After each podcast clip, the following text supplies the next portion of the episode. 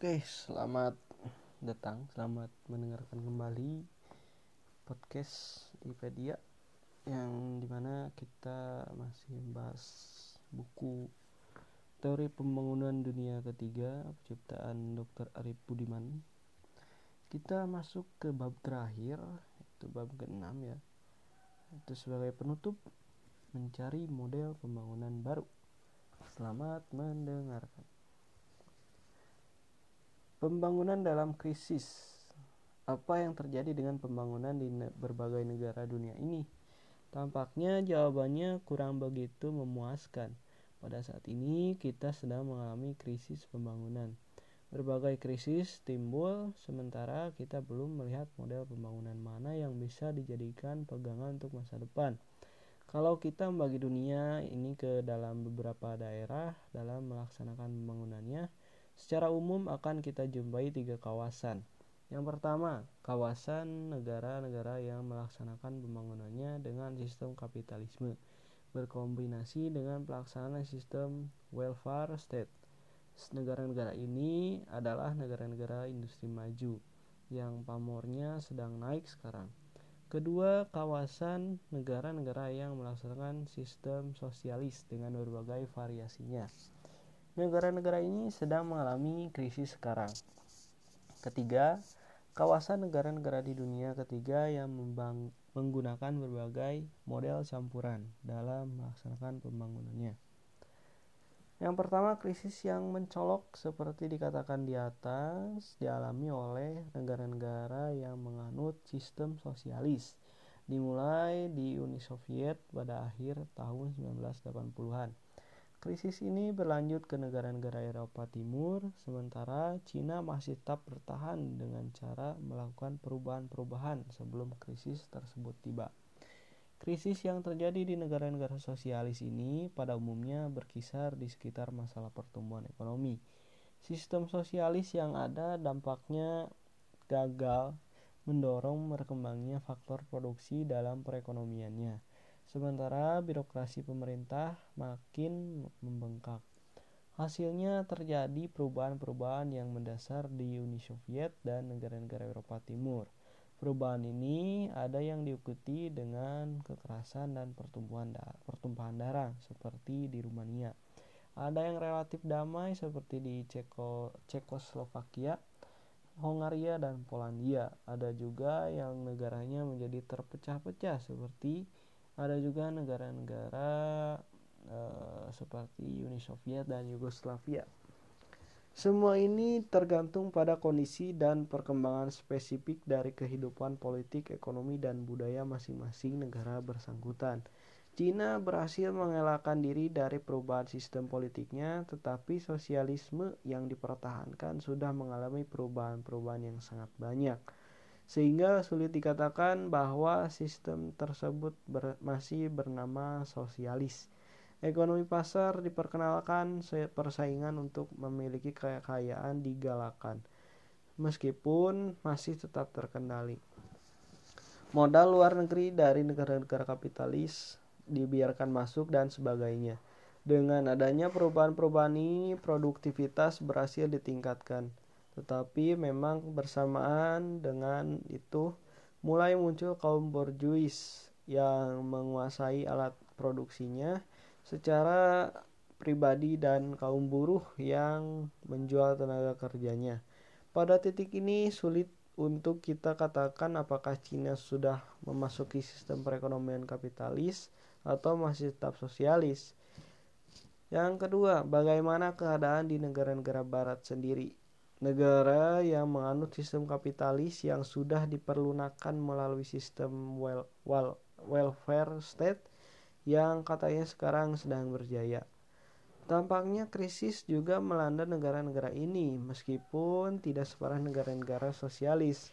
Seperti yang dikatakan oleh Hetne, persoalan utama di negara-negara ini adalah pengangguran.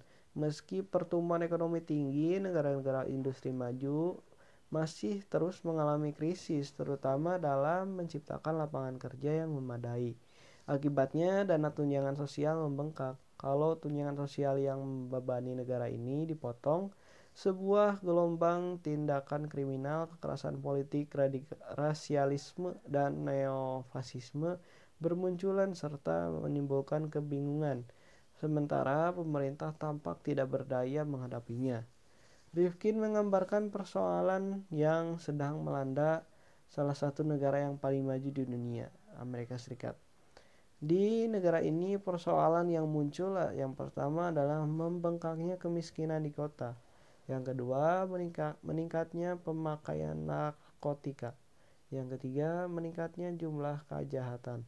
Yang keempat, meningkatnya utang pemerintah. Dan yang kelima, kerusakan lingkungan. Semua ini sedikit banyak menunjukkan bahwa ada yang salah dalam konsep pembangunan kapitalisme dengan sistem welfare state ini. Yang ketiga, krisis yang dialami oleh negara-negara dunia ketiga lain lagi bentuknya. Di krisis kawasan ini bersifat multi kompleks, bukan saja masalah kesenjangan antara kaya dan miskin yang dihadapi, melainkan juga benturan-benturan agama dan rasial. Ditambah lagi masalah utang yang semakin membengkak serta kegagalan untuk berperan secara berarti dalam persaingan ekonomi di pasar dunia. Juga di negara-negara ini bukan saja ragam krisisnya yang bermacam-macam, melainkan derajat intensitas krisis tersebut juga sangat mendalam. Kesulitan ekonomi tidak hanya berhenti pada masalah pengangguran dan kemiskinan, seperti yang terjadi di negara-negara industri maju, tetapi bergerak sampai pada masalah kelaparan yang sangat dramatis, seperti yang terjadi di negara-negara Afrika. Masalah konflik rasial berkembang sampai pada kasus pembunuhan sistematik untuk menghilangkan kelompok ras tertentu, seperti yang terjadi di Sri Lanka dan beberapa negara Afrika, atau perang agama yang terjadi di India. Kemudian masalah utang berkembang secara dramatis terutama di negara Amerika Latin sampai mereka boleh dikatakan ada pada titik kebangkrutan seperti yang pernah terjadi di Meksiko beberapa tahun yang lalu. Inilah kenyataannya yang sedang melanda negara-negara di dunia ketiga pada saat ini. Sementara itu, perang perang juga terus berkecamuk di beberapa negara. Meskipun melibatkan negara-negara industri maju, perangnya sendiri biasanya terjadi di negara dunia ketiga. Misalnya perang Teluk, invasi Amerika Serikat di Granada, di Panama, dan nyaris di Haiti perang di negara-negara bekas Uni Soviet dan bekas Yugoslavia, perang di Somalia dan Rwanda, perang di Kamboja, dan banyak lagi perang-perang kecil lainnya. Semua hal ini sedikit banyak merupakan hasil dari model pembangunan yang dianut oleh negara-negara yang ada sekarang.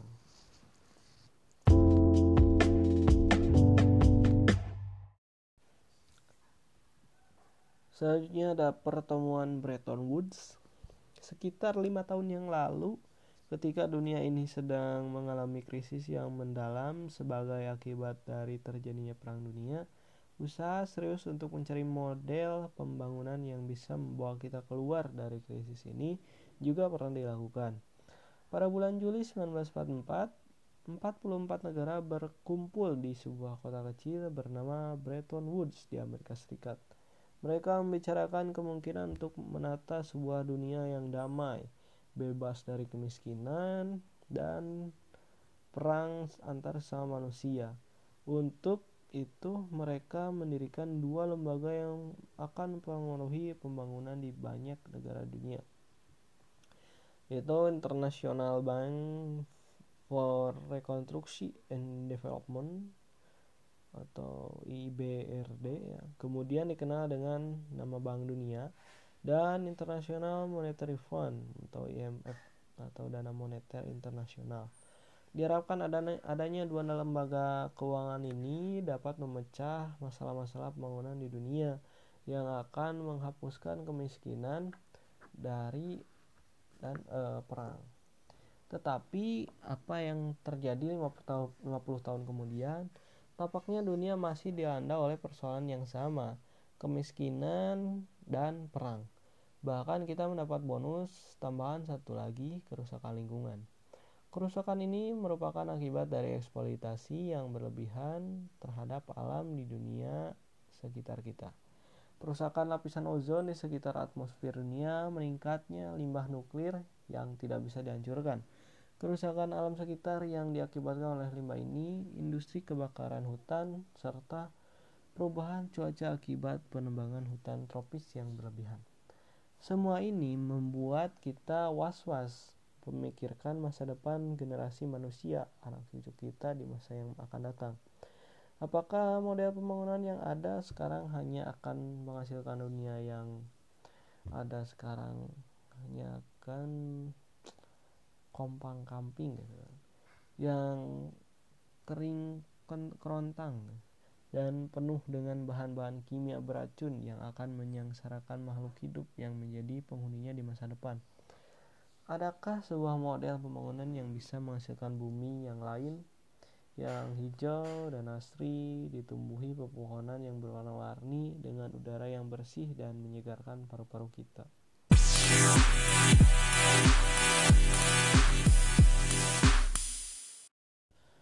Selanjutnya ada politik biosfer. Usaha mencari jawaban memang dilakukan oleh banyak ahli Pikiran-pikiran yang dikemukakan sebagai jawaban alternatif mungkin masih embrional, tetapi usaha ini terus dilakukan. Misalnya apa yang ditawarkan oleh Jeremy Rifkin dengan konsep yang dia namakan politik biosfer. Konsep politik biosfer ini dia dipertentangkan dengan konsep politik yang selama ini dijalankan, itu politik geografis atau geopolitik. Menurut Pripkin, politik geografis ini didasarkan pada konsep negara kebangsaan, di mana tiap-tiap negara berlomba sekuat-kuatnya untuk mengumpulkan kekayaan sebanyak-banyaknya supaya keamanan dirinya bisa terjamin di masa depan. Dengan demikian, geopolitik berdasarkan diri pada ke kemandirian masing-masing negara supaya bisa bersaing dengan lain-lainnya. Konsep politik biosfer tidak didasarkan pada negara kebangsaan secara terpisah-pisah, tapi pada bumi sebagai sebuah kesatuan. Keamanan setiap negara kebangsaan bukan ditentukan melalui jalan masing-masing negara berusaha memperkuat dirinya, melainkan melalui pemeliharaan bersama bumi ini. Hanya dengan pemeliharaan bersama inilah kita juga sekaligus memelihara masa depan kita masing-masing, baik sebagai individu maupun sebagai bangsa. Begitulah konsep baru yang sedang dikembangkan oleh para ahli sekarang. Meskipun semuanya masih pada taraf pemulaan, tetapi tampaknya dunia kita sekarang masih dikuasai oleh konsep lama dari ekonomi persaingan bebas. Setiap orang, setiap negara masih sibuk bersaing untuk mendapatkan harta benda sebanyak-banyaknya untuk mengamankan dirinya di masa depan. Jalan pikiran yang ada sekarang ialah mereka yang sekarang berhasil memiliki paling banyak, mereka lah yang akan meraih masa depan. Akibatnya setiap orang yang eh, dan setiap negara berebut untuk memiliki sebanyak-banyaknya. Ideologi sosialis sebuah ideologi yang paling sedikit berbicara tentang kebersamaan. Dianggap sebagai ideologi yang tidak efisien, tidak efektif, dan tidak praktis. Sehingga harus dibuang jauh-jauh. Krisis yang melanda negara-negara sosialis di Uni Soviet dan Eropa Timur memperkuat pandangan yang berikut. Uh, seperti itu konsep persaingan bebas makin dimunculkan. Berakhirnya putaran Urugu putaran Uruguay dalam rangka program perundingan Badan PBB tentang tarif dan perdagangan internasional atau GATT. Memperkuat sistem persaingan bebas ini dengan korban dunia ketiga yang selalu diperlakukan sebagai sapi, da, sapi perah oleh negara-negara maju dalam sistem semacam ini yang kuatlah yang akan menang, yang kuatlah yang punya masa depan. Karena itu tidak berlebihan kalau David Corten berpendapat bahwa apa yang dilakukan orang sekarang adalah mengobati penyakit baru dengan resep lama. Dari kenyataan ini, konsep hanya satu bumi da atau ekonomi eh, ekonomi kapal ruang angkasa atau politik biosfer yang mencoba mencari penyelesaian terhadap krisis pembangunan yang terjadi terus-menerus di dunia ini. Tampaknya masih merupakan konsep pinggiran yang masih belum diterima. konsep ini masih belum diperjuangkan secara gigih dan mungkin akan memakan waktu yang lama sebelum pada akhirnya bisa diterima. Tentu saja kalau belum terlambat.